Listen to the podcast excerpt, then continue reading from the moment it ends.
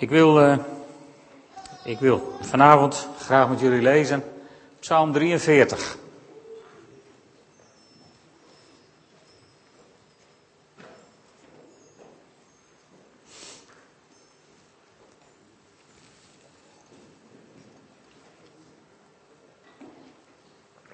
Psalm 43.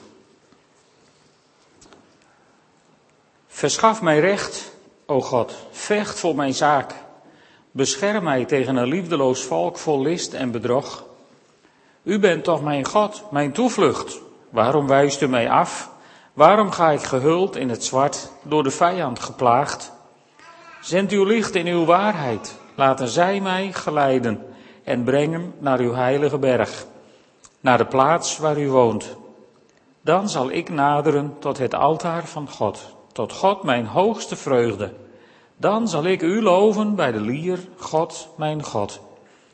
Wat ben je bedroefd, mijn ziel, en onrustig in mij. Vestig je hoop op God. Eens zal ik Hem weer loven, mijn God, die mij ziet en redt. Als je zo in eerste instantie leest, een beetje depressieve psalm. Maar ja, het is ook een psalm van voor Christus. Zoals de meeste psalmen.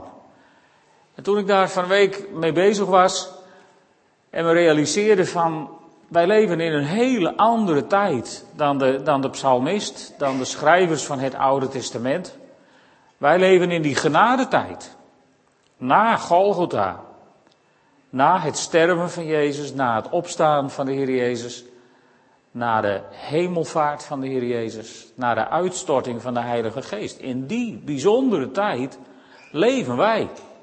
En daar had de psalmdichter nog geen weet van op dat moment. En toen dacht ik bij mezelf, je zou deze psalm dus in deze tijd voor mensen die de Heer Jezus kennen als hun persoonlijke verlosser en zaligmaker, mensen die vervuld zijn met de Heilige Geest van God, voor zulke mensen zou je deze psalm moeten herschrijven. En ik heb een poging gedaan. En dan zou die er volgens mij zo uit moeten zien. Als wij weten wie we zijn in Christus, als we weten welke kracht er in ons woont, als we vol zijn van de geest van God, dan zou die psalm zo ongeveer kunnen klinken. U hebt mij recht verschaft, o God, gevochten voor mijn zaak. U beschermt mij tegen een liefdeloos volk vol list en bedrog. U bent toch mijn God, mijn toevlucht. U wijst mij nooit af. Waarom ga ik gehuld in het zwart? Ja, waarom eigenlijk? Waarom word ik door de vijand geplaagd? Als ik mij aan u onderwerp en weerstand bied aan de duivel, zal deze immers voor mij vluchten.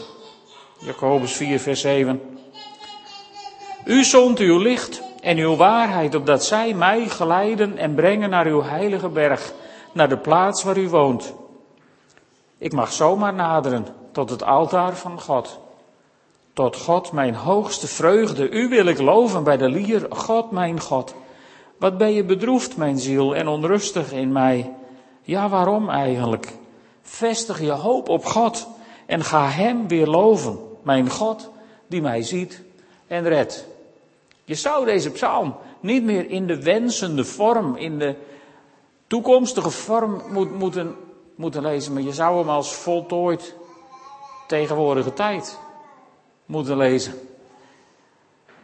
En als je zo in het leven kunt staan, als dat je levenshouding kan zijn, dan kun je een nieuw jaar wat voor je ligt, frank en vrij in de ogen kijken.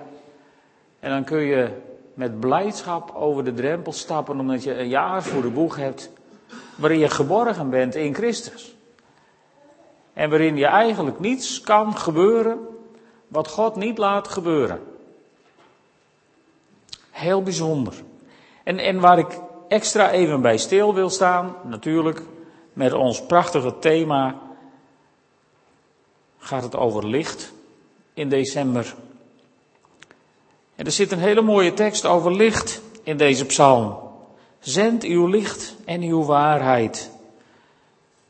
Oftewel, u hebt uw licht en uw waarheid gezonden. We hebben net kerstfeest gevierd. De kerstboom die staat nog in de kerk en die staat ook in de meeste huiskamers misschien nog. Misschien hebt u het laatste kerstbrood net opgegeten. We hebben net gevierd dat dat licht is gekomen in onze wereld. Om onze duisternis te verlichten. Om aan de duisternis die ons wil bedreigen, eigenlijk een einde te maken. En dat licht van God, dat doet bijzondere dingen. Daar wil ik vanavond even de aandacht op vestigen. Het was vroeger al zo. In het Oude Testament. Staat een hele mooie Bijbeltekst in het Oude Testament over licht. Over een hele wonderlijke gebeurtenis. U kent hem wel. Exodus 10, vers 23. Mozes was in discussie met Farao om het volk uit Egypte te krijgen. En elke keer lukte dat niet. En zo kwamen de zogenaamde tien plagen over het land Egypte. En een van die plagen was dat er op een gegeven moment een dikke duisternis viel, waarin je letterlijk geen hand voor ogen meer kon zien. We kunnen ons niet voorstellen hoe donker het was, want de Bijbel zegt je kon geen hand voor ogen zien. Nou, dat was dus werkelijk stikdonker. En dan staat daar zo'n prachtig vers, vers 23. Drie dagen lang konden de mensen elkaar niet zien en kon niemand een stap verzetten. Maar waar de Israëlieten woonden, was het licht. Weet je dat niet wonderlijk? Als je het hebt over wandelen in het licht, heel vaak kijken wij dan eerst naar de omstandigheden van de mensen. Nou, laten we eens naar de omstandigheden kijken van deze mensen. De Egyptenaren die leefden in weelde en die hadden een, een goed bestaan. En je zou zeggen, nou, die hadden alle reden om in het licht te wandelen. En die arme Israëlieten, die leden een slavenbestaan. Zwaar verdrukt, ook nog aangescherpt door de farao. Je zou zeggen, als er mensen waren die konden klagen over de duisternis die hun plaagde, dan waren het de Israëlieten. En het wonderlijke is dat het bij God niet gaat om omstandigheden, maar om je relatie met God. En het resultaat was dat die welvarende Egyptenaren, die het goed hadden, die alles hadden wat hun hartje begeerde, die wandelden, nee die wandelden helemaal niet meer, die zaten in diepe duisternis. En die arme Israëlieten die zo belast waren en zo door de duisternis werden geplaagd en gevangen gehouden, die wandelden in het licht. Mooi hè? Het hangt dus niet van je omstandigheden af of je in het licht of in het donker over deze drempel stapt naar het nieuwe jaar. Of je helder verlicht over die drempel stapt of, of tastend in de duisternis heeft alles te maken met je relatie met God. Met de Heer Jezus, met het volbrachte werk van Christus.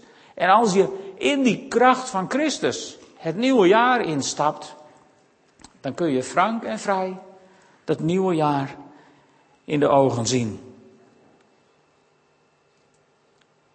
Na deze gebeurtenis in Egypte komt er een profetie op de scheiding tussen het Oude en het Nieuwe Testament. Daar is Elisabeth zwanger van Johannes de Doper. De Doper heette die toen nog niet, maar Johannes moest die gaan heten. En Zacharias, die was met stomheid geslagen, omdat hij het niet geloofde. En toen werd Johannes geboren. En dan moet Zacharias hem een naam geven, dus die schrijft wat op een kleitabletje en zomaar ineens kan hij weer spreken en heft hij een lied aan, de lofzang van Zacharias. Een profetie in Lucas 1. En dan zegt hij in vers 78, dankzij de liefdevolle barmhartigheid van onze God zal het stralende licht uit de hemel over ons opgaan. En verschijnen aan allen die leven in duisternis en verkeren in de schaduw van de dood. Zodat we onze voeten kunnen zetten op de weg van de vrede. Er zal een licht over ons opgaan. Daar hebben we van gezongen met de kerstdagen. Over dat licht wat is gekomen. Er is een licht over ons opgegaan. De Heer Jezus is gekomen. Voor u en voor mij. Hij is als een stralend licht over ons gekomen. hij heeft ons verlost van de macht van de duisternis. En toen heeft hij ons zijn Heilige Geest geschonken, zodat we vol van de Geest van God in deze wereld die rondtast in duisternis licht mogen zijn. Een licht mogen verspreiden. Zo staat het hier ook. Zacharias heeft het heel doeltreffend geprofiteerd. Dat stralende licht uit de hemel is over ons opgegaan. En daardoor verschijnt het aan allen die leven in duisternis en verkeren in de schaduw van de dood. Is dat zo? Als u ergens op bezoek komt, bij iemand die verkeert in de schaduw van de dood, is dat zo? Komt dan werkelijk een glimpje van dat licht van Christus, of misschien wel een grote glimp van dat lichaam van Christus, van, van die aanwezigheid van Christus, in die ziekenkamer, of in die plek van verdriet? Is het zo? Werkt dat al zo in uw leven? Want Zacharias die profeteert het heel mooi. Hij zegt, hij zegt, wij kunnen onze voeten zetten op de weg van de vrede. Je kunt het, zegt hij. Het is een hele aanmoedigende profetie. Je kunt je voeten zetten op de weg van de vrede. Maar je moet er wel voor kiezen om het te willen. Je kunt het wel. Niemand kan zeggen, ik ben niet in staat om, om op deze overgang naar het nieuwe jaar mijn voeten niet te zetten op de weg van de vrede. Ik kan het echt niet. Zacharias zegt in de Bijbel, zodat we onze voeten kunnen zetten op de weg van de vrede.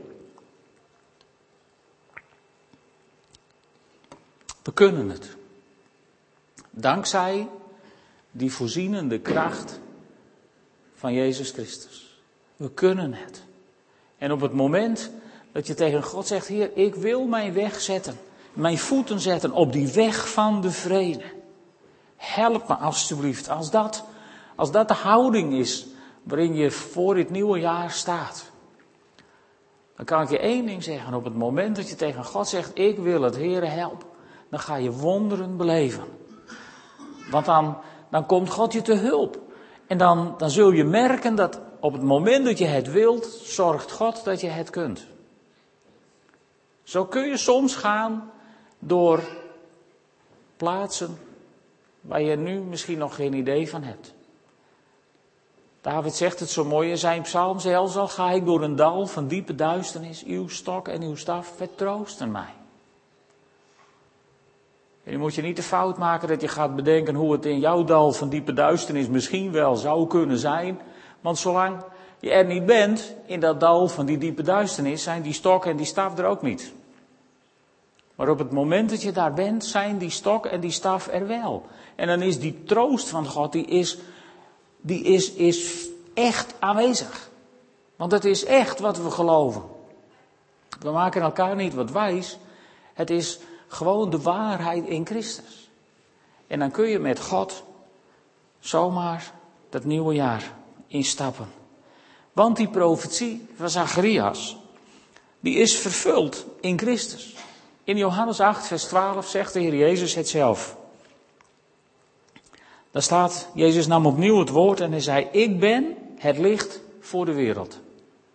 Ik ben, zegt Jezus, het licht voor de wereld. En wie mij volgt, zegt hij, loopt nooit meer in de duisternis.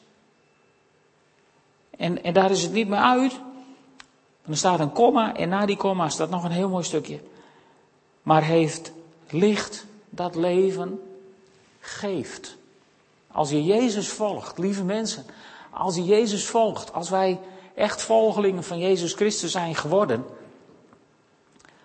dan, dan hebben wij iets heel bijzonders. Toen die Israëlieten daar in, in, in het land Gozen in het licht wandelden, zaten de Egyptenaren in het donker. Er was een strikte scheiding tussen mensen van God en mensen zonder God. Nu lopen we allemaal door elkaar heen. En dan zegt de Heer Jezus, maar als je mij volgt, dan heb jij licht wat leven geeft.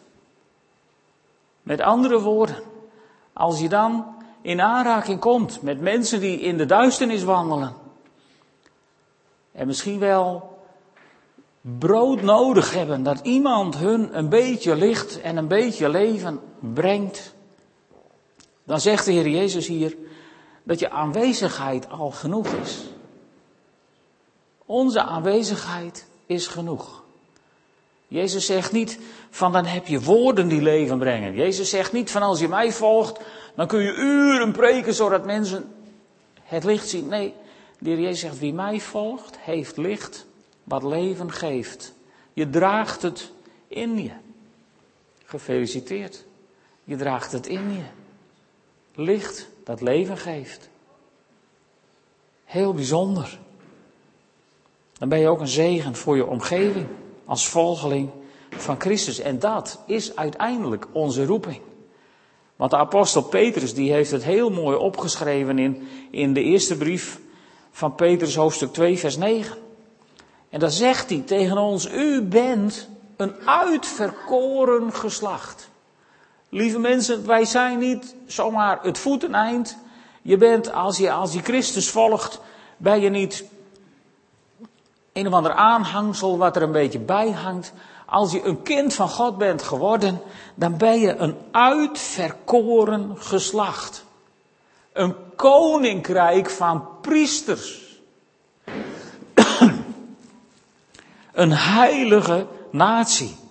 Een volk dat God zich verworven heeft om de grote daden te verkondigen van Hem die ons uit de duisternis geroepen heeft naar zijn wonderbaarlijk licht. Misschien mag dit je lijfspreuk worden voor 2011. Uitverkoren geslacht, koninkrijk van priesters, een heilige natie, een volk wat God zich verworven heeft om de grote daden te verkondigen. Van Hem die mij uit de duisternis geroepen heeft naar Zijn wonderbaarlijk licht. Dat is onze roeping. Daar zijn we voor bestemd, daar zijn we voor bedoeld. En mogelijk was 2010 een lichtjaar voor u. Een jaar waarin je licht hebt mogen verspreiden. Mensen die, mensen die wat licht nodig hadden, een lichtje hebt kunnen brengen. Misschien was 2010 ook wel niet zo'n heftig lichtjaar voor u. En dan moet je niet denken aan je omstandigheden. Voor sommige mensen was 2010 gewoon een jaar van, van afscheid nemen. Kobi nog niet zo lang geleden. De familie van Ingen heel kort geleden. En anderen hebben misschien ook familieleden verloren in dit jaar. Een jaar waarin je afscheid hebt moeten nemen.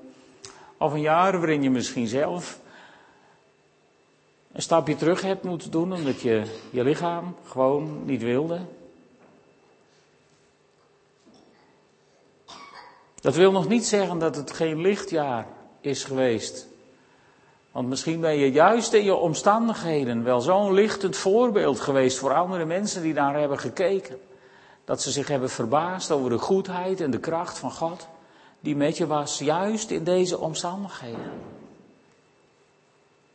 Want het hangt niet af van je omstandigheden, het hangt af van je relatie met God. Woon je in het land Gozen, woon je in dat stukje land waar God zijn welbehagen heeft, of verblijf je in Egypte, in dat land van diepe duisternis.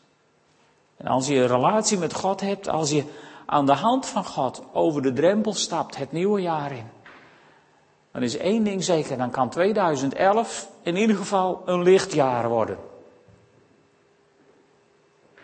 Is een lichtjaar wetenschappelijk oeverloos lang. Maar laten we daar nou eens afstappen.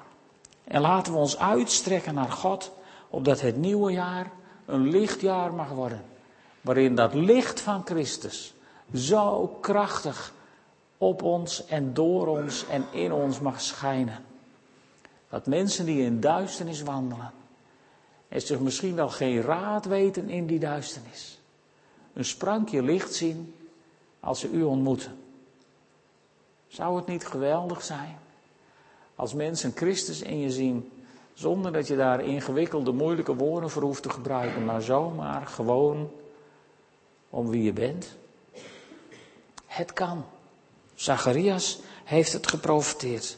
Wij kunnen onze voeten zetten op de weg van de vrede. En die shalom van Christus, die vrede, dat is een hele bijzondere vrede. Dat is een vorm van welzijn die van je afstraalt en die van je afsprankelt. En die veel mooier is dan welke vuurpijl ze vannacht de lucht ook inschieten. Vele malen indrukwekkender. Ik wens u een lichtjaar 2011.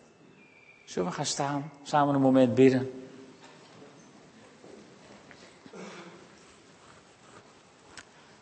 Vader in de hemel, we willen zo aan het eind van dit jaar, waarin u ons hebt gezegend, hebt bewaard, waarin u ons hebt behoed, genezen, maar ook getroost toen we afscheid moesten nemen van geliefden. We willen u danken voor een jaar waarin zoveel kleine kinderen werden geboren in onze gemeente. Heer, wat hebben we enorm veel zegen van u mogen zien. En wat hebben we geweldige dingen met u mogen beleven. En Heere God, ik bid u nu om die, om die genade van u, Heere, dat het licht van uw aanwezigheid zo krachtig in ons mag gaan schijnen. Dat mensen die ronddolen in het duister, in onze omgeving, in, in ons iets van u mogen zien. Heren, en dat kunnen wij niet uit onszelf. Dat is alleen maar mogelijk dankzij die geweldige, onbegrensde, onbegrijpelijke genade van u. Heer, en op die genade maken we aanspraak zo aan de vooravond van een nieuw jaar. Heer, we zien uit naar u. We zien uit naar u, Heer. Misschien is het wel het jaar waarin u terugkomt. We zien daar naar uit. Misschien is het wel een jaar waarin u met uw volk Israël hele bijzondere dingen gaat doen. We zien er naar uit. Misschien is het wel een jaar waarin u in de levens van ons, of in onze gemeente, of persoonlijk bijzondere dingen wilt gaan doen. We zien er naar uit, Heer. We zien er naar uit en we zetten ons hart wijd open voor uw genade. Want zonder uw genade zouden we als een berg tegen het nieuwe jaar op moeten zien. Maar dankzij uw genade verwachten we een lichtjaar, stralend van uw glorie. Halleluja. Amen.